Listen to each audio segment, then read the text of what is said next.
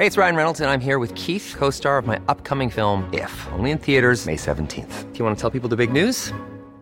All right, I'll do it. Sign up now and you'll get unlimited for $15 a month in six months of Paramount Plus Essential Plan on us. Mintmobile.com slash switch. Upfront payment of $45 equivalent to $15 per month. Unlimited over 40 gigabytes per month. Face lower speeds. Videos at 480p. Active Mint customers by 531.24 get six months of Paramount Plus Essential Plan. Auto renews after six months. Offer ends May 31st, 2024. Separate Paramount Plus registration required. Terms and conditions apply if rated PG. Hey, I'm Ryan Reynolds. At Mint Mobile, we like to do the opposite of what Big Wireless does. They charge you a lot we charge you a little. So naturally, when they announced they'd be raising their prices due to inflation, we decided to deflate our prices due to not hating you. That's right. We're cutting the price of Mint Unlimited from $30 a month to just $15 a month. Give it a try at mintmobile.com slash switch. $45 upfront for three months plus taxes and fees. Promo rate for new customers for limited time. Unlimited more than 40 gigabytes per month. Slows. Full terms at mintmobile.com. Hiring for your small business? If you're not looking for professionals on LinkedIn, you're looking in the wrong place. That's like looking for your car keys in a fish tank. LinkedIn helps you hire professionals you can't find anywhere else, even those who aren't actively searching for a new job but might be open to the perfect role. In a given month, over 70% of LinkedIn users don't even visit other leading job sites. So start looking in the right place. With LinkedIn, you can hire professionals like a professional. Post your free job on linkedin.com slash people today. Helt siden de første menneskene slo seg ned i Trøndelag, har det blitt observert underlige lys over Hessdalen. Fenomenet har blitt forsøkt bortforklart som syner sett av bygdetullinger og deliriske hallusinasjoner forårsaket av den lokale drikkekulturen. Men det skulle vise seg at fenomenet stakk langt dypere, når Hessdalen-fenomenet fikk verdensomspennende oppmerksomhet i ufo-miljøet på 1980-tallet.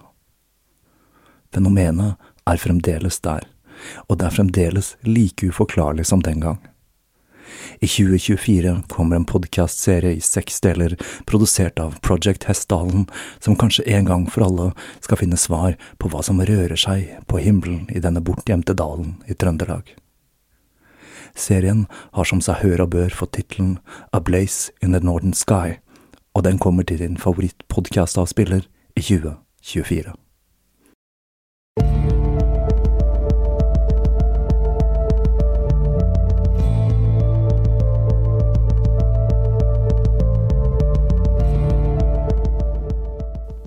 Hei og velkommen til podkasten Ting du ikke lærte på skolen, også kjent som Tåkeprat. Jeg heter da Even, og når jeg tar opp denne, episode 66, så er det torsdag den 3. mai 2018. Noe av det artigste jeg opplever om dagen, det er de gangene jeg møter dere lyttere der ute i den virkelige verden, og dere kan fortelle at dere oppdaget podkasten via en venn, som igjen oppdaget den via en annen venn, osv. Dette er da så utrolig gøy, for eh, det er den modellen av podcasting, altså at den sprer seg organisk, som har gjort at eh, noen av de podcastene som er de største uavhengige podcastene på verdensbasis, har blitt det de er. Og dette er noe av grunnen til at de store mediehusene klør seg i hodet over hvordan et medium som podcasting har klart å klore seg forbi de etablerte formatene, og at det i dag er uavhengige podcaster som dominerer markedet globalt. Podcasting er rett og slett blitt en slags folkebevegelse drevet fram av folk som er lei målrettet underholdning i A4-format. Her i Norge så er podcasting et relativt ungt format, og jeg syns bare det er så flott å se at eh, til tross for at dette er en podkast som eh, satser på formidling av tidvis tungt materiale, så er det behov for denne typen underholdning med innhold her til lands også. Tåkeprat vokser da fra uke til uke, og det med økende hastighet takket være dere. Det slår meg også hvor mange spennende mennesker som hører på tåkeprat. Om dere bare hadde visst hvor stor bredde det er blant dere lyttere, så tror jeg dere hadde blitt overrasket. Jeg prøver da å danne meg et bilde av hvordan en forsamling med tåkepratlyttere hadde sett ut, og det er rett og slett fryktelig vanskelig. Men at dere har en interesse for dypere tematikk, det er i hvert fall en ting dere alle har felles. Så fortsett å fortelle venner og kjente som kan ha glede av tåkeprat om denne podkasten. Det virker, og spredningen begynner å bli ganske tydelig her i min ende, her jeg da sitter og prater for meg selv i denne mikrofonen. Jeg gjør iallfall min del, for jeg er da muligens den mest podkast-masete personen i Norges land, noe som vel er en konsekvens av å nærmest være besatt av podkastproduksjon. Det gjør meg sikkert litt slitsom fra tid til annen, men det er vel prisen å betale for virkelig å legge sjelen i arbeidet med tåkeprat. Men nå skal vi altså tilbake til serien om folkefienden Timothy Leary. Selv om dette er en historie jeg kjenner svært godt fra før, da jeg er forholdsvis dypt bevandret i litteraturen rundt den psykedeliske bevegelsen og de menneskene som var involvert, så blir jeg like fascinert hver gang over hvor ekstremt voldsom, og ikke minst hvor lite kjent denne historien er. De fleste har en vag idé om den såkalte hippietiden. Men når man da går inn i tematikken, så var dette en av de mest ekstreme kulturelle omveltningene i Vesten i moderne tid. Og ikke bare en gjeng med late ungdommer som hang i parker og ruset seg. Da Leary snublet over de psykedeliske stoffene, så var disse en helt ny ting i vår kultur. Ingen hadde referansepunkter til hvordan disse kunne brukes, eller hva de i det hele tatt var for noe. Som vi så i forrige episode, så hadde CIA store problemer med å forstå hva de egentlig hadde fått tak i når de kom over LSD, og de forkastet da stoffet som for uberegnelig. Dette er fremdeles en ting som gjør at forståelsen av disse stoffene er heller laber i befolkningen, og nok kommer til å fortsette å være det. For når vi snakker om psykedeliske stoffer, så snakker vi om et spekter av effekter, ikke et stoff som gjør én spesifikk ting, som lege og rusmidler, eller hva man nå skal kalle det. Disse stoffene er rett og slett mye mer kompliserte og hører hjemme i en kategori for seg selv. I samfunn der psykedeliske stoffer er en integrert del av kulturen, har man da ritualer og praksiser som sørger for at disse blir brukt på en trygg måte, og ikke minst så har man et språk man kan bruke for å snakke om opplevelsene. Det hadde man ikke ikke når Leary kom på banen, og nettopp språket er et av de områdene Leary jobbet med, og et av de områdene som er den største utfordringen med denne serien. Ta for eksempel Learys slagord turn on, tune in, drop out. Dette er på samme måte som Crowleys telemiske lov, et eh, ofte misforstått begrep. Jeg har da valgt å oversette dette med skru på, stille inn, gå ut. For det etablerte samfunnet så virket dette slagordet som en oppfordring til da å bli en drop-out, altså kutte alle bånd til samfunnet og bli en snylter, rett og slett. Men det er da ikke det dette begrepet beskriver. Det finnes eh, flere tolkninger og versjoner av dette uttrykket. Ikke bare var Leary selv glad i å videreutvikle konseptene sine, men det var også tilhengerne hans. Det er da blant annet blitt brukt til å beskrive ting også utenfor den psykedeliske opplevelsen, og dette begrepet er rett og slett en debatt i seg selv. Men den tolkningen jeg velger å bruke i denne serien, den er denne.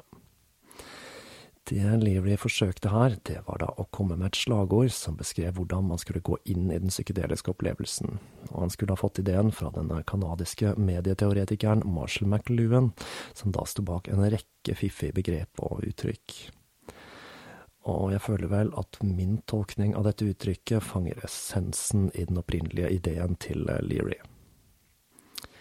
Skru på gir vel nesten seg selv. Det betyr da å aktivere det psykedeliske systemet ved å innta stoffet. Jeg kommer da til å referere til skru på gjennom hele serien. Still inn refererer til å resonnere med, akseptere og bli en del av opplevelsen. Og så har vi drop out, da, som jeg har valgt å oversette med gå ut. Det betyr da å la opplevelsen ta deg ut av ditt eget ego, innlærte vaner og se verden uten begrensningene til kulturen du er en del av. Jeg har da valgt gå ut som i gå ut av egoet ditt. Dette begrepet blir også brukt om å rekonstruere sitt eget liv etter opplevelsen, men i denne serien så bruker jeg det da til å referere til dette spesifikke psykedeliske stadiet.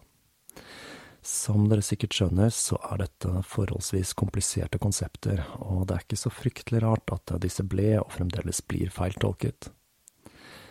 De av dere som har kjennskap til meditasjon og yoga, vil nok være kjent med en del av disse eller tilsvarende begreper, for det er nettopp i Østens filosofi Leary og ikke minst Richard Alpert etter hvert hentet mye av sin inspirasjon. Et annet begrep som er viktig å få på plass, det er set and setting, eller som jeg har valgt å kalle det, individ og miljø. Psykedeliske stoffer, og LSD spesielt, forsterker det man tar med seg inn i opplevelsen. Det vil si den psykiske tilstanden til personen som inntar preparatet, og omgivelsene det blir tatt i. Dette er årsaken til at resultatene CIA fikk med stoffet, var så vidt forskjellige fra det vi skal se skjer når Leary begynner å eksperimentere med det. Det er jo ikke så veldig vanskelig å tenke seg at når CIA ga LSD til personer som ikke var klar over at de fikk stoffet, eller at det ble gitt i kliniske settinger der pasienten var nervøs, så ga dette seg utslag i negative opplevelser. Dette var en problemstilling Leary var blitt gjort oppmerksom på av Huxley, og som skulle gi det en del utfordringer i fangeeksperimentene i Massachusetts. Fengsel er da ikke et optimalt miljø for psykedeliske stoffer. Det er også en annen faktor som er viktig å ta med her, og det er at selv om de psykedeliske stoffene har flere fellestrekk, så har de også en rekke ulikheter og tradisjoner for bruk. Og her kommer vi til sakens kjerne, for som jeg sa i forrige episode, LSD var noe helt nytt. Selv om stoffet i dag regnes som et av de klassiske psykedeliske stoffene, sammen med ting som meskalin og psilocybin, så hadde det ingen historisk eller rituell bruk å skilte med. En av de tingene som skiller LSD ut ifra en del andre psykedeliske stoffer, er at det har en ekstremt egooppløsende effekt, altså gå ut-delen av Learys berømte strofe. Dette er noe vi skal få se i Learys første møte med dette stoffet. I tillegg til å være en faktor som gjorde dette stoffet interessant for psykiatrien, så kan jo det tenkes at dette er litt av grunnen til at LSD fikk det fotfestet det fikk i motkulturen. For det er mange som ble svært overrasket over at et stoff med en såpass ekstrem virkning ble allemannseie. Her må vel nevnes Albert Hoffmann og ikke minst CIA, som klødde seg i hodet over hva som foregikk når det hele kulminerte i hva som vel kan kalles en kulturrevolusjon. Men eh, nå skal vi tilbake til 1961, hvor frøet til revolusjonen var i ferd med å spire.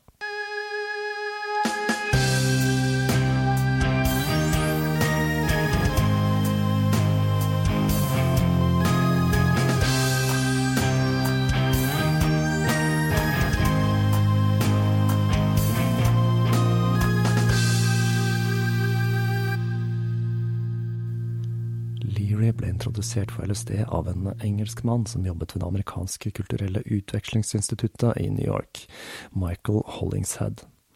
Han hadde kjøpt ett gram LSD fra Sandos sammen med sin venn John Beresford for en nettesum av 285 pund. Dette var relativt uproblematisk. Alt de hadde behøvd å gjøre, var å bruke et brevark fra et sykehus i New York og skrive at de skulle bruke det i benmarkseksperimenter. Hollingshead han fikk da dette stoffet i en liten brun glassflaske, og for å dele det opp i håndterbare doser, så blandet han det ut med vann og melis og helte blandingen i et halvliters majonesglass. Han rørte rundt i det hele, før han da slikket på skjeen. Etter 15 timer så kom han ned igjen. Han innså at han hadde et glass som inneholdt 5000 doser av et stoff som hadde potensial til å forandre liv, uten at han ante hva han skulle gjøre med det. Virkningen av LSD er altså vesentlig lengre enn den av psilocybin, og ligger normalt på rundt tolv timer. Siden det var Huxley som hadde fortalt han om dette nye preparatet, så tok han kontakt med han, og han fortalte at om det var ett menneske i USA som var verdt å ta kontakt med, så var det da den flotte fyren Timothy Leary. Leary han inviterte Hollingshead til Harvard, men han var først svært skeptisk til LSD, ikke minst på grunn av ryktet stoffet hadde fått på grunn av eksperimentene til CIA. Men da han så hvordan de rundt han reagerte på stoffet, så ble han nysgjerrig og tok en skje. Timothy Leary skulle bli forandret for all ettertid. Igjen så vil jeg bruke litt av hans egne ord fra High Priest. Dette er da en klassiker innen psykedelisk litteratur som dekker de aller første eksperimentene hans med psykedeliske stoffer, og anbefales på det varmeste om du er interessert i å gå litt dypere inn i tematikken. Jeg har da valgt ut et stykke der Leary etter først å ha hatt en voldsom psykedelisk gjennombruddsopplevelse, bestemmer seg for å gå opp i andre etasje på huset for å se hvordan barna har det. For dette illustrerer nettopp dette her med å gå ut på en svært god måte. Jeg eh, tenkte på barna mine, og på en eller annen måte så klarte jeg å gå opp i andre etasje, og jeg åpnet døren til rommet til datteren min. Susan satt på sengen i dyp konsentrasjon over skoleboken hun hadde i fanget, mens rock'n'roll-musikken tordnet gjennom rommet. Det var en ren lørdagskveld postcover americana. Tenåringsdukken så opp. Hei, pappa. Hun tygde på en blyant og stirret ned i boken. Jeg lente meg mot veggen og så på, i forbauselse på denne fremmede marionetten fra det amerikanske samlebåndet. Hun så raskt opp på meg igjen. Hei, pappa, hva ønsker du deg til jul? Hun fortsatte å tygge på blyanten og stirret ned i boken igjen mens hun vugget forsiktig til rytmen fra musikken. Hun så opp igjen. Hei, pappa, jeg er glad i deg. Frykten grep meg. Dette var min datter, og dette var far-datter-spillet. En hul, overfladisk, stereotypisk, meningsløs utveksling av hei, pappa, hei, Su, hvordan har du det, pappa, hvordan går det på skolen, hva ønsker du deg til jul, har du gjort leksene dine? En plastikkdukke av en far og en plastikkdukke av en datter, begge festet på små hjul som triller rundt og rundt i fastsatte spor. Dette var en fullstendig vulgarisering av den faktiske situasjonen. To ekstremt kompliserte sammensmeltinger av milliarder av cellestrukturer utviklet gjennom en evighet av evolusjon som i dette minimale øyeblikket deler denne tid-rom-koordinaten, og som har blitt skjenket den unike muligheten til å forene sine sjeler og bringe ut det guddommelige i hverandre men det hele hadde blitt eh, tørket ut, lagt dødt og redusert til en pip av hei pappa og hei susen. Jeg så bedene på henne for å forsøke å oppnå ekte kontakt. Jeg ble grepet av en skrekkelig skyldfølelse. Det Leary opplevde på denne turen, var noe som skulle farge resten av arbeidet hans.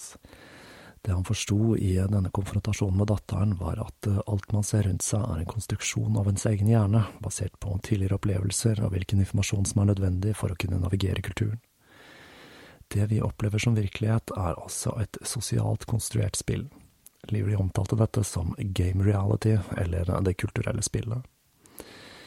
Leary begynte da å kalle modellene av virkelighet for virkelighetstunneler. Alle lever nå i sin egen virkelighetstunnel som er konstruert av individet, og som skiller seg fra de tunnelene andre lever i. Han var overbevist at man ved hjelp av LSD kunne løsrive seg fra den virkelighetstunnelen man lever i, og da skape sin egen. Og dette var noe han skulle eksperimentere med på seg selv, og lyktes med. Men dette skulle få en rekke negative konsekvenser for personene rundt han, da han jevnlig forandret personlighet etter hva han følte var passende. For Tim så var det kun LSD som nå sto på menyen, psilocybin var ut. Forandringen i han etter denne turen var merkbar på alle rundt han, Timothy Leary var født på ny. Richard Alpert sa om Leary i denne perioden. I et par år så trodde jeg at han var et av de mest kreative menneskene jeg noen gang hadde møtt. Han var hals og hode over alle ved Harvard, eller noen andre steder for den saks skyld. Denne evnen til å endre personlighet gjorde at han kunne opptrå som en rekke ulike ting, som sjarlatan, vitenskapsmann, geni eller idiot. Og dette er en av de tingene som gjør Leary så fryktelig spesiell. Det er kanskje også viktig å huske at dette ikke bare skyldtes LSD alene, men Learys personlighet og intellekt, og synergieffekten av LSD og Leary, det er en vi aldri har sett maken til siden. Når han hadde bestemt seg for at det var LSD han ville fokusere på, så hadde han brent alle broer. Dette stoffet var så kontroversielt at det ikke lenger var noen vei tilbake, men Leary mente at LSD var viktigere enn Harvard, og dette var noe han ikke forsøkte å skjule. Og nå begynte ting å skli ut og bli mer og mer uvitenskapelige. For eksempel så ble det en del furore da Tim og kompani fikk en indisk svami til å stå på hodet, da kun iført lendeklede på konferansebordet til Center for Personality Research. Og huset til Leary ble nå et kollektiv, hvor Leary, Richard og Ralph Metzner bodde sammen med ymse partnere og barn.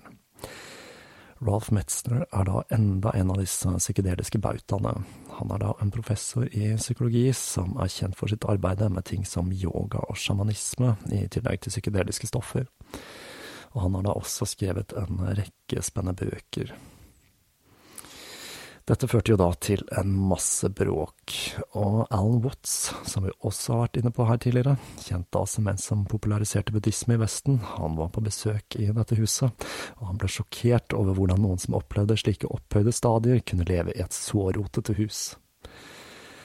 Men her spriker forklaringene litt, for eh, Ralph Metzner, som da bodde i kollektivet så lenge det eksisterte, han sa at det tross alt ikke var så ille, selv om det kunne være litt i overkant enkelte dager.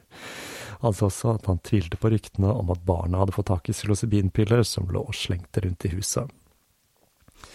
For en historie Jack Leary senere skulle fortelle, var at når han var tolv, så hadde han funnet noen rosa piller og spist de. Den dagen så hadde han sittet og stirret på hunden og lurt på hvordan den kunne hoppe og sitte stille på en gang, mens hunden på sin side, den var like forvirret etter Jack også hadde gitt den noen av pillene. I det hele tatt, ting begynte å ta av, og nå begynte Alice Huxley å bli seriøst bekymret. Han hadde sagt jeg er veldig begeistret for Tim, men hvorfor, hvorfor må han oppføre seg som en tulling? Aktiviteten i huset gikk da selvsagt ikke upåaktet hen hos eh, CIA, som da fikk beskjed fra Sandos hver gang en ny forsyning med LSD ble bestilt, og de begynte å overvåke det hele. Først og fremst da med tanke på å slå kloa i forskningen til Leary, men det de etter hvert oppdaget, det var ganske urovekkende. Leary og Albert de hadde nemlig begynt å ta arbeidet sitt ut fra Harvard og forkynnet nå det psykedeliske budskapet, Leary han begynte å finne seg støttespillere i det øvre sosiale sjiktet i samfunnet, deriblant i Hollywood. Og han begynte også å få kontakter i maktens korridorer. I Washington hadde han nemlig blitt oppsøkt av en Mary Pincott Meyer, som nylig hadde blitt fraskilt sin mann, Cord Meyer, som da var en CIA-agent. Leary han hadde da trent Mary som en guide, og hun hadde lovet at hun skulle introdusere en rekke mektige mennesker for LSD. Og nå kommer en litt spennende historie. For Mary hun ble senere skutt av en ukjent drapsmann i oktober 1964. Visstnok etter å ha vært en av de mange elskerinnene til JFK, og etter å ha tatt LSD sammen med presidenten i Det hvite hus. Som om ikke det var nok, så begynte to andre sider av LSD å åpenbare seg for Leary. Den første var den såkalte guru-effekten. Den som tar dette stoffet sammen med en guide den første gangen, vil da få et ekstremt sterkt bånd til denne personen i tiden etterpå. Dette er en effekt som har blitt utnyttet av mange liksom-guruer gjennom tidene. Her er det vel på sin plass å nevne Charles Manson. For Tim sin del, som da var den som ble sett på som den som velsignet de som tok stoffet med opplevelsen, så befant han seg i en situasjon der en rekke unge kvinner ble hodestups forelsket i han. Og med Tims forhold til jenter, så er det jo lett å tenke seg hvordan dette utartet seg.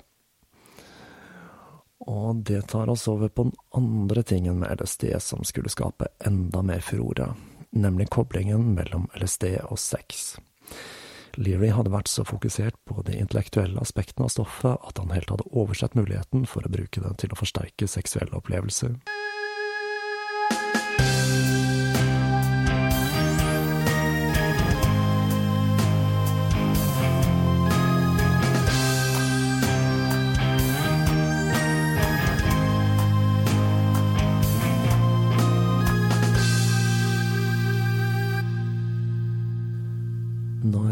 Litt slukøret fortalte Huxley om hva han hadde oppdaget, så sa Huxley at eh, jo da, selvsagt så kan psykedeliske stoffer forsterke opplevelsen av sex, men han ba da Tim om å være så snill og la den ballen ligge. Situasjonen begynte å bli betent nok som den var, om han ikke skulle begynne å forkynne den positive effekten av LSD på sex. Men Leary, han hørte da ikke på det øret og dette førte da til en utstrakt seksuell eksperimentering i huset til Leary, som nå ble rent ned av horder av tvilsomme typer. Men hva som faktisk foregikk i huset, var nok på langt nær så ille som hva naboene forestilte seg. Eller som Leary sa, LSD er så kraftig at én en enkelt dose kan starte tusen rykter. Få har hatt en så god evne til å spissformulere seg som Timothy Leary. Og den kanskje siste dråpen som fikk begeret til å flyte over, var at stoffet begynte å sirkulere på det svarte markedet og blant studentene ved Harvard. Bekymrede foreldre, som da hadde spart opp til skolegangen til poden, fikk nå telefoner fra sønner og døtre som hadde funnet Gud, eller som hadde sluttet i studiene for å dra til India for å finne seg selv. En journalist i Harvards studentavis, Andrew Vale, skrev en artikkel om den nye ruskulturen ved Harvard i universitetets tidsskrift. Og denne ble plukket opp av Boston Herald, og med det så la FDA lokket på fri forskning på LSD. Leary ble da bedt om å gi fra seg beholdningen sin, og det var nå ikke lenger mulig å bruke stoffet til psykiatri, men kun rene forskningsøyemed. Men Leary skal nå ikke ha all skylden for dette, selv om så å si hele LSD-terapimiljøet gjorde nettopp det. For dette skjedde samtidig som CIA skrotet LSD-programmet sitt, og FDA hadde ikke lenger noe insentiv til at dette stoffet skulle være lett tilgjengelig. Nå forsto Leary Alpert at eh, tiden var i ferd med å renne ut, og de startet sin egen non-profit-organisasjon, IFIF, eller International Federation for Internal Freedom, som skulle drive forskning på psykedeliske stoffer og trene nye guider. Mens de to planla den første IFIF-samlingen i Mexico, hvor de da fikk 5000 søknader på de 50 ledige plassene, så ble Timothy Leary, som første mann siden 1838, sparket fra stillingen ved Harvard. Den offisielle forklaringen var da at han ikke hadde møtt opp til forelesninger. Og en måned etter dette så fikk Richard Alpert sparken, og det på spektakulært vis. Han fikk da sparken for å ha gitt LSD til en student, og ikke bare hadde han gitt han LSD, men de to hadde startet et homofilt forhold, hvorpå gutten da i en krangel med sin far, som satt i styret ved Harvard, hadde sagt dra til helvete, pappa, jeg tar syre og ligger med en professor. Du snakker om skandale, vann og venner-style, altså. Den første IFIF-samlingen i 1962 var en knallsuksess. De hadde da leid et øde strandhotell 30 mil fra Acapulco, hvor forsamlingen av akademikere, studenter, venner og interesserte delte en rekke positive opplevelser den sommeren. De kom da også svært godt overens med lokalbefolkningen, og før de skulle dra, så arrangerte de en vennskapskamp med baseball. Men det neste året skulle samlingen ta en mørk vending. Det hele startet bra, de bygde da et utkikkstårn, hvor det til enhver tid skulle sitte en fra leiren på vakt. På LSD, da, selvsagt. Den som ble utvalgt i tårnet, ble så innviet en seremoni før han satte seg der og så utover havet. Men uh, ting begynte å murre. Tim fikk et telegram fra Mary Mayer, elskerinnen til JFK altså, om at amerikanske myndigheter hadde begynt å engasjere seg for å få slutt på samlingene til IFIF og et uønsket element dukket opp. Hippier. Nå tenker dere kanskje at eh, Lyria-gjengen var nettopp hippier, men det var de altså ikke.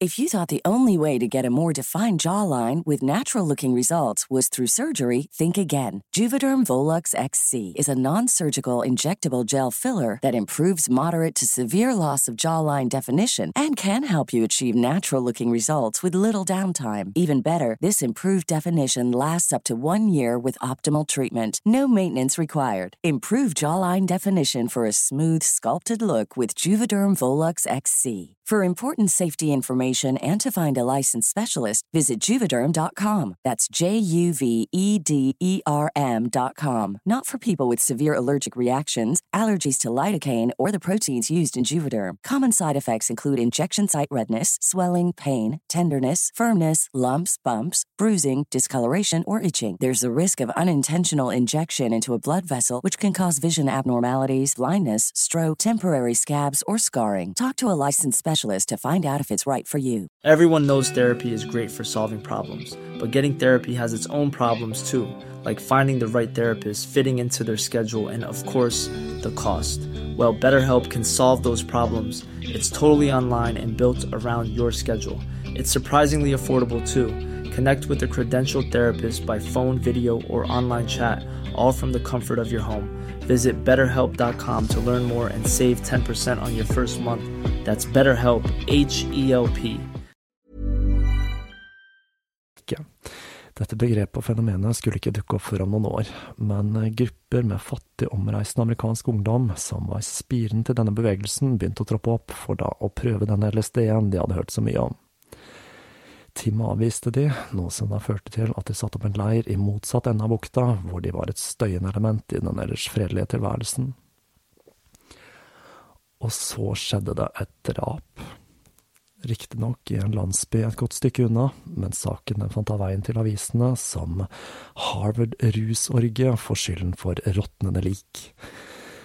Og når det meksikanske politiet dukket opp ved samlingen, så fikk de seg et lite sjokk. De ble da møtt av en naken, middelaldrende kvinne på LSD, som var malt med en grotesk parodi av Jesu korsfestelse i rødt og blått. Jeg vet ikke helt hvorfor jeg tenker på Sylvi Listhaug nå, men jeg tror jeg lar den ligge, altså. Dette falt da ikke i god jord hos de meksikanske katolske politimennene, og de forlangte at Tim og kompani skulle forlate stedet, da under et påskudd om at de drev forretninger med turistvisa. Ønsket om å få de ut av landet skulle visstnok ha kommet direkte fra den meksikanske presidenten, som da igjen ble oppfordret av den amerikanske ambassaden, CIA og Justisdepartementet for da å få kastet han ut. Med utkastelsen fra Harvard så hadde nemlig Tim brukt alt han hadde av kanaler for å tale If-If sin sak, han hadde da kontaktet det som var av presse- og nyhetsbyrå for å fronte arbeidet sitt. Han var rett og slett blitt den offisielle talspersonen til LSD.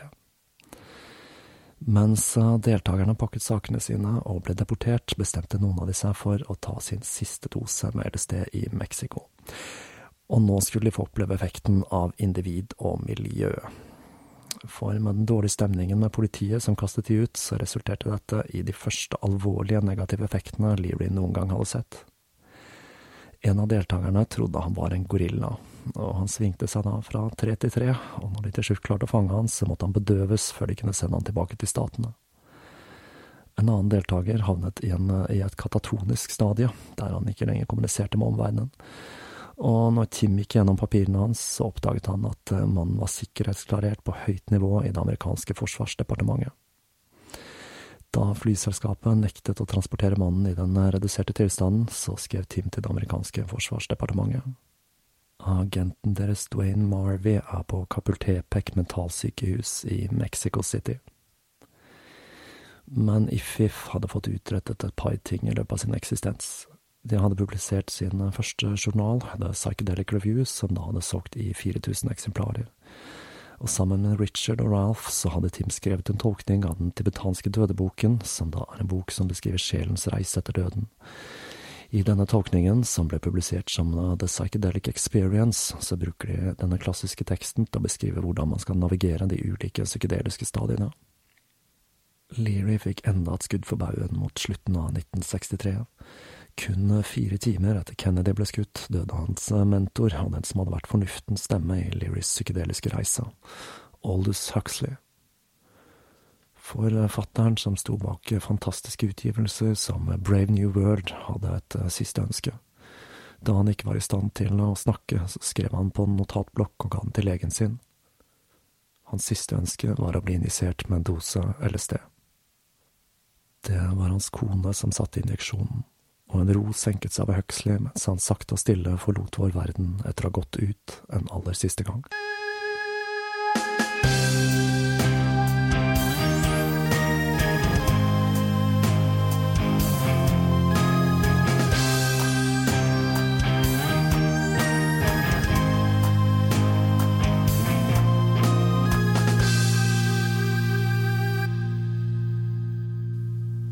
Leary og Albert trengte en ny base, og etter flere mislykkede forsøk på blant annet å opprette et nytt hovedkvarter i Antigua, så skulle de få muligheten tilbake i statene.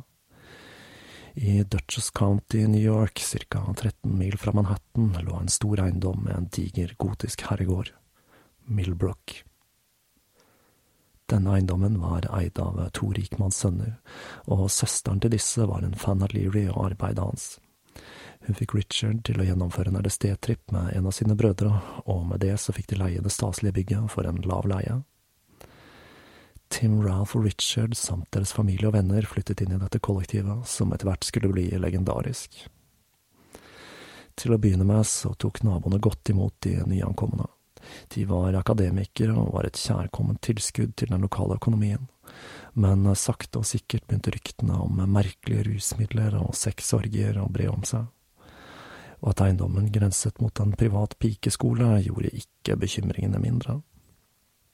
Utrolig nok så dempet Leary seg litt i den første perioden med Millbrook. Han begynte å se etter måter man kunne oppnå det psykedeliske stadiet på uten bruk av stoffer. Han ble da blant annet intervjuet av Newsweek, hvor han kunne fortelle at ting som pusteøvelser og sanseisolasjon var teknikker som kunne brukes for å oppnå de samme stadiene. Og det er jo da vi finner fenomener som isolasjonstanker. Så jeg vil jo igjen oppfordre til å sjekke ut Floating Oslo for de som er interessert i den slags, og som bor i Oslo-området. Og nå begynte de også å holde seminarer uten bruk av RSD, selv om dette selvsagt ikke gjaldt de fastboende, da. De bokstavelig talt turet på som vanlig. I denne perioden så begynte Tim også med omreisende show, som han da kalte for religiøse psykedeliske feiringer, hvor han da forsøkte å gjenskape stadiene med fortellinger om Jesus og Buddha, da akkompagnert av et multimedieshow, som da besto av ting som lys og plasmaprosjektører og den type ting men det var ikke lenger mulig å stagge bevegelsen Tim hadde startet, og mens han holdt på med sine rusfrie arrangementer, så var det begynt å etableres en undergrunn hvor grunnlaget for produksjon og distribusjon av millioner av doser av LSD ble lagt. Hos de som bodde i Millbrook, så begynte livet nå å bli mer og mer kultaktig. Leary var nemlig fast bestemt på at det var mulig å reprogrammere hjernen med LSD, og for at man skulle få til dette, så måtte man avkondisjonere lært oppførsel. Dette førte til mange omveltninger i kollektivet. De begynte å farge maten for å forvirre sansene, så ting som svartmelk og grønne egg begynte å dukke opp på matfatet. De innførte felles omsorg for barn, noe som da var fryktelig frustrerende for de som var frivillig barnløse og plutselig fikk ansvar for en liten pode.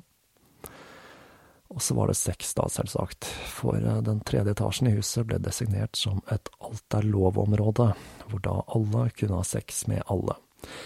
Tanken var å bli kvitt ting som seksuelle spenninger og sjalusi, men det skulle jo raskt vise seg at dette førte til det rakt motsatte.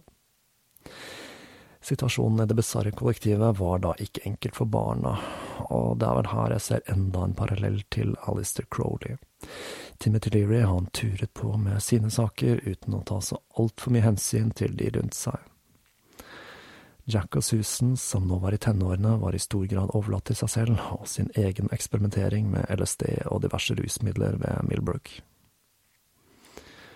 Mot eh, slutten av 1964 så gjorde Leary et halvhjertet forsøk på å normalisere livet, da han da giftet seg med den blonde skjønnheten Nena von Schlebrygge, som da var datteren til en svensk baron. Og hun, kjære lyttere, skulle etter ekteskapet med Leary tok slutt, få en datter som jeg regner med de fleste av dere har hørt om, og som dere sikkert har sett svinge et samuraisverd iført en gul treningsdress. Hun var nemlig moren til Uma Thurman. Med den vakre Nena ved sin side, så bestemte Tim seg for at tiden var inne for å foreta en pilegrimsferd for å besøke landet han hadde hentet så mye inspirasjon fra. Han satte kursen mot eh, India. De nygifte tilbrakte den første tiden i en liten hytte uten innlagt strøm og vann, med utsikt over Himalaya. De fikk ethvert hvert besøk av Ralph Metzner, og sammen tok de tre LSD i Taj Mahal. Men stort sett så levde de to en rolig tilværelse. Men den spartanske livsstilen appellerte ikke til Nena, og de to skilte lag den våren. Tim var altså på søken etter spirituelle sannheter, men i motsetning til Richard Alpert, som til tross for å være en langt mindre sannsynlig kandidat til å finne spirituell oppvåkning, ble en forandret mann etter sitt besøk der i 1967, så var Leary så lei av etablert religion, og han var ikke villig til å gi slipp på sin tilværelse for da å hengi seg til en spirituell søken eller å følge en guru. Tim trodde ikke på en høyere makt, men det vil ikke si at han var ateist. Han anså hele universet og alt i det for å ha en slags iboende bevissthet, men det var ingen bevisst skaperkraft, ingen himmelsk far som rådet over menneskene. Gud var en manifestasjon av menneskets sentralnervesystem og den kaotiske bevisstheten til materie. Og nå gjorde Leary enda en ting Crowley gjorde. Han startet sin egen religion. Han var overbevist om at han med LSD hadde fått tilgangen på innsikt i menneskesinnet som hadde vært utilgjengelig for tidligere tiders mystikere og tenkere, og at dette gjorde han i stand til da å lage en ny religion med det nye verktøyet.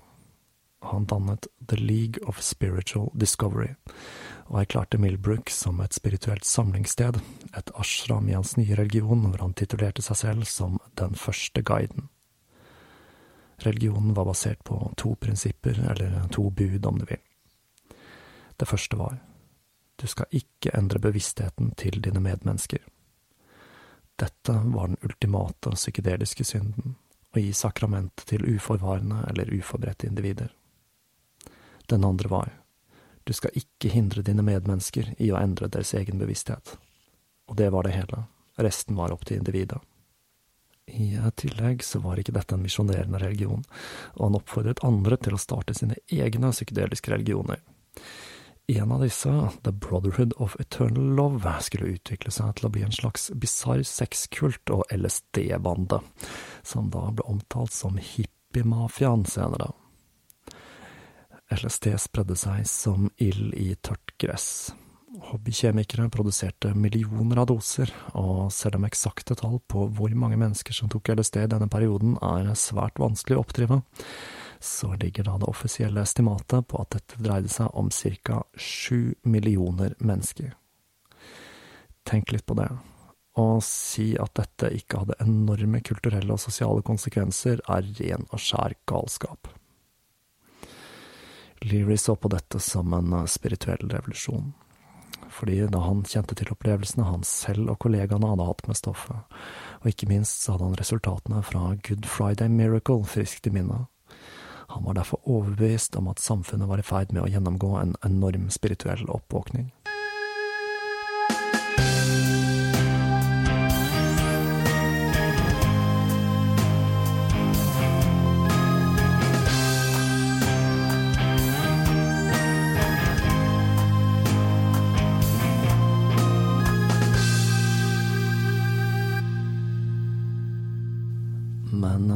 Ikke hadde tatt høyde for, var at ikke alle hadde den samme tilnærming til stoffet som han og hans kollegaer fra Harvard.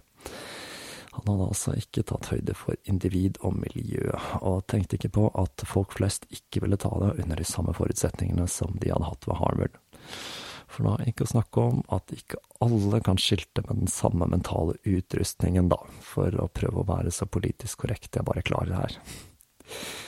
En annen faktor var kvaliteten på LSD-en som traff markedet. Til tross for at det fantes noen kjemikere som var så dyktige at LSD-en de produserte skulle være like bra som eller bedre enn dem fra Sandos, så var det mye rart ute og gikk. I tillegg så var den LSD-en som ble produsert illegalt, helsyntetisk, da man da erstattet den naturlige ergoten i prosessen med ergotamin tartrat, og dette skulle visstnok hatt en del å si for effekten til stoffet. Om dette stemmer eller ikke, det er jo da fryktelig vanskelig å si, spesielt da med et stoff som LSD. Og det kanskje aller største problemet, det var at folk ikke forsto hva dette var. For selv om Tim hadde rett i at stoffet kunne føre til en dyp innsikt og spirituelle opplevelser, så er ikke dette en egenskap i stoffet i seg selv. Stoffet er nøytralt, og det er brukeren som er nøkkelen for å oppnå disse stadiene tilbake til individ og miljø, altså. En rekke figurer kom på banen med nye ideer om hvordan man kunne bruke LSD. Jeg har jo tidligere nevnt eh, Ken Kesey, som da først hadde kommet borti LSD i CIA sine eksperimenter. Kesey, som da kanskje er mest kjent for sin bok Gjøkeredet, startet en gruppe som kalte seg The Mary Pranksters og de arrangerte da store fester som de kalte acid tests, hvor da store grupper med mennesker tok LSD i en setting med lysshow og musikk. Og det var da på en av disse samlingene The Grateful Dead spilte for eh, første gang. The Grateful Dead det er da et band jeg har lyst til å like. De var et fenomen. De hadde da en dedikert gruppe med tilhengere, såkalte Deadheads, som reiste rundt med dem på turné og levde av ting som å selge mat på arrangementene men jeg har da dessverre aldri helt klart å like musikken deres. Jeg antar at det hadde stilt seg annerledes om jeg hadde vært der når det skjedde, men det var jeg da altså ikke. Keysys vinkling på LSD den var helt annerledes enn Leary sin, og langt mindre respektfull. The Mary Pranksters de dro på en legendarisk roadtrip gjennom USA i 1964, i noe som var rett og slett et forferdelig lurveleven av en tur. Her må jeg da anbefale dokumentaren fra 2011, som er satt sammen av filmklippene fra denne turen. Den heter da Magic Trip Ken Kesey Search for a Cool Place. For de filmet nemlig det hele, eller rettere sagt, de forsøkte å filme det hele, for det var ikke alltid like lett i den tilstanden den gjengen var i. Det mest utrolige er kanskje at det hele gikk bra, for mannen bak rattet var beat-legenden Neil Cassidy, som da tygde Ritalin som sukkertøy for å kunne holde koken i dagevis. De var da innom Milbrook og Leary, hvor han da lettere sjokkert tok imot denne bussen med LSD-klovner, som ikke akkurat ble sett på med blide øyne av kollektivet ved Herskapshuset. Men til tross for ekstreme figurer som Kesey, så var Leary overbevist om at LSD var i ferd med å løfte samfunnet inn i en ny spirituell fase av selvrealisering. Og i 1966 så sa Leary revolusjonen er alt over, vi har vunnet. Det var et gigantisk feilgrep av Timothy Leary. Våren 1965 skulle Leary møte en av de viktigste kvinnene i sitt liv, den da 30 år gamle Rosemary Woodroff. Hun hadde en bakgrunn som blant annet modell og interiørdesigner, og sammen med sin tidligere kjæreste hadde forsøkt P8, og dette hadde igjen ført henne til Millbrook og Timothy Leary. Den første gangen de to spaserte sammen på eiendommen, følte Tim seg unormalt sjenert, og allerede den samme sommeren så flyttet hun sammen med Tim, og de to var alltid hverandres nærvær. Når Tims skilsmisse endelig gikk gjennom to år senere, så giftet de to seg. Rosemary var en svært viktig figur i motkulturen, for hun hadde noe Tim manglet, estetisk sans. Og hun var en svært viktig figur når det gjaldt stilen som vokste fram med Blomsterbarna og hippiemotet i årene som kom. Hun var rett og slett en slags morsfigur i bevegelsen. Rosemary fikk også Tim ned på bakken.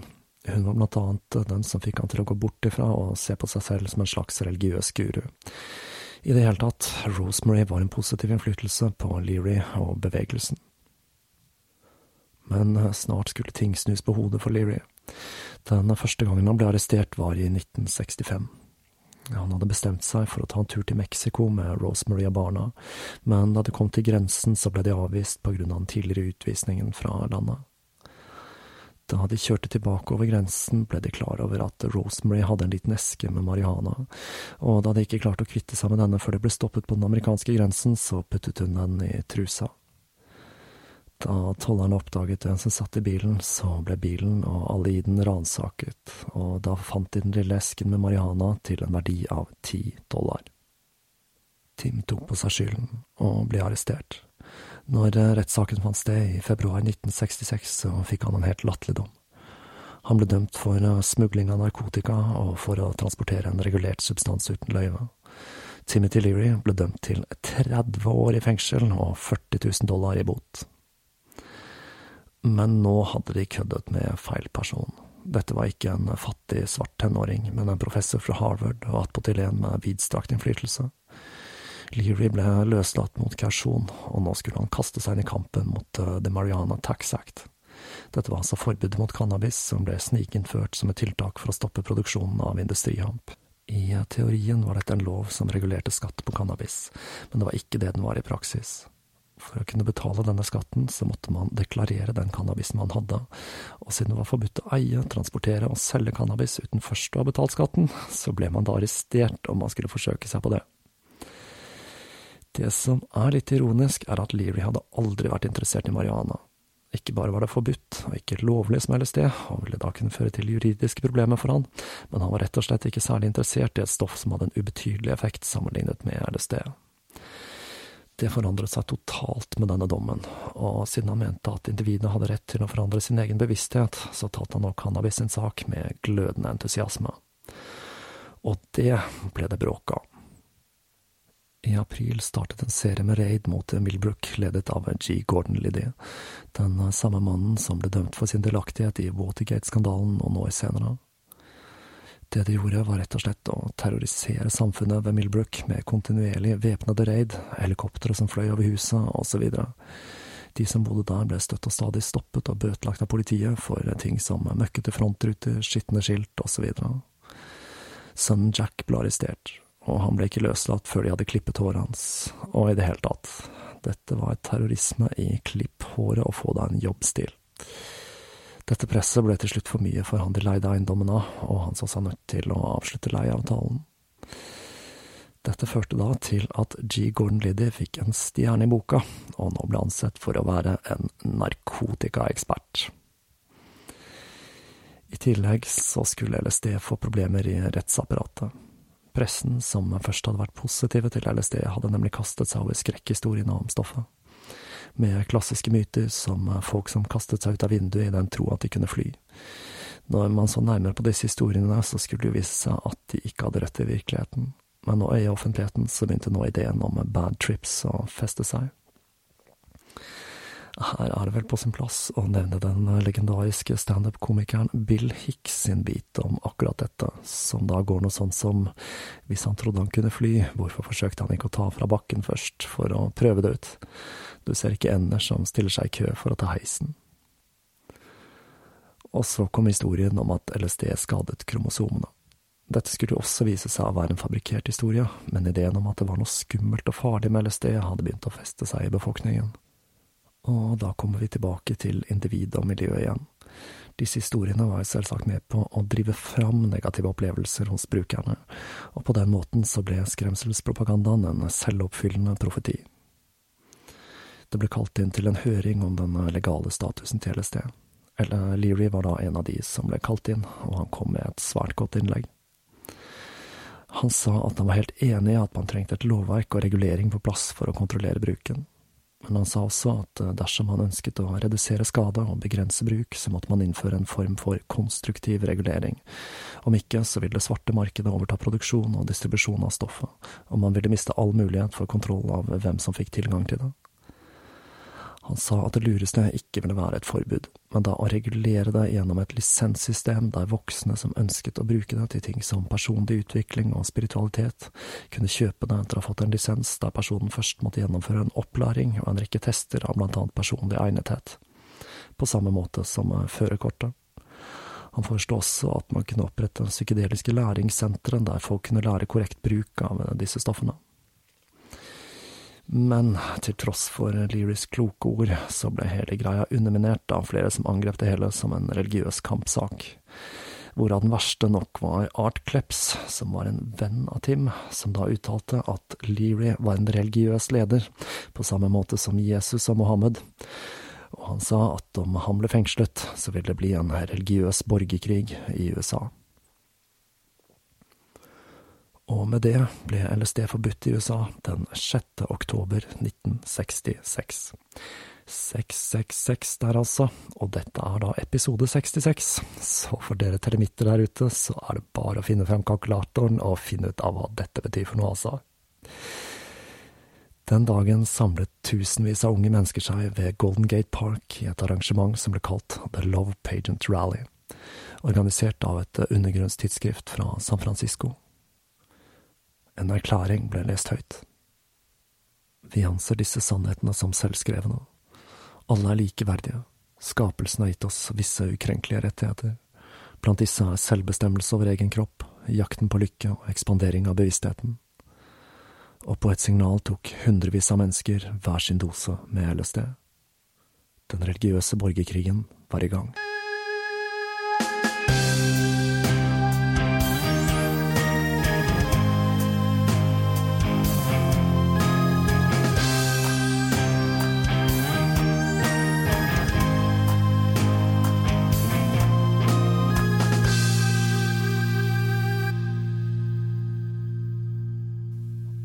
Forbudet mot LSD og Timothy Leary sin dom på 30 år i fengsel, så forlater vi historien for eh, denne gang.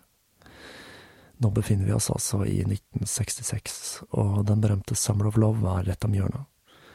Jeg har mange ganger sittet og lekt med ideen om eh, hvilken epoke i historien jeg kunne tenke meg å besøke for å se hvordan det var. Og jeg må si at eh, San Francisco i 1967 kommer ganske høyt på listen over attraksjoner. Jeg lurer rett og slett fryktelig på hvordan stemningen føltes den sommeren, og jeg mistenker det hele må ha vært enormt spesielt. At det var en fest det var verdt å få med seg, det er det i hvert fall liten tvil om. Det er også litt artig å tenke på at mens alt dette pågikk, så holdt Anton Lavey på å etablere Church of Satan. Han drev da med sin dyrking av Satan i Det sorte huset, mens en bølge av spiritualitet og nyreligiøsitet skyllet over resten av landet. I det hele tatt, det skjedde mye spennende på 60-tallet, og for å gjenta meg selv så tror jeg vi undervurderer effekten av disse fenomenene på vår egen kultur. Helt til slutt så vil jeg takke dere flotte mennesker som er patrions av eh, Tåkeprat. Tåkeprat er og skal fortsatt være gratis, men om du har lyst til å være med og bidra, så er dette en abonnementstjeneste der du kan bidra med det beløpet du ønsker. Alle bidrag mottas med takk og kommer svært godt med til driften av eh, Tåkeprat. Og da gjenstår det bare for meg å si på gjenhør.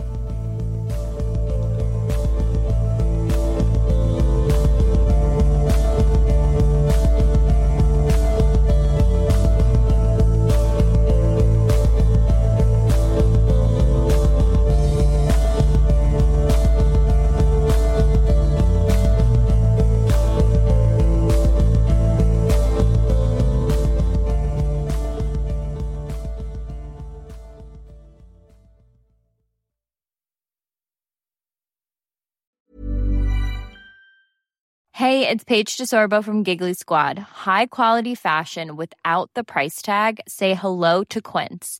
I'm snagging high-end essentials like cozy cashmere sweaters, sleek leather jackets, fine jewelry, and so much more. With Quince being 50 to 80% less than similar brands. And they partner with factories that prioritize safe, ethical, and responsible manufacturing. I love that. Luxury quality within reach. Go to quince.com slash style to get free shipping and 365 day returns on your next order. Quince.com slash style. Even when we're on a budget, we still deserve nice things. Quince is a place to scoop up stunning high end goods for 50 to 80% less than similar brands.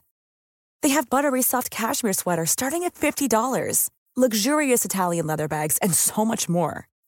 Plus, Quince only works with factories that use safe, ethical, and responsible manufacturing. Get the high-end goods you'll love without the high price tag with Quince. Go to quince.com/style for free shipping and 365-day returns.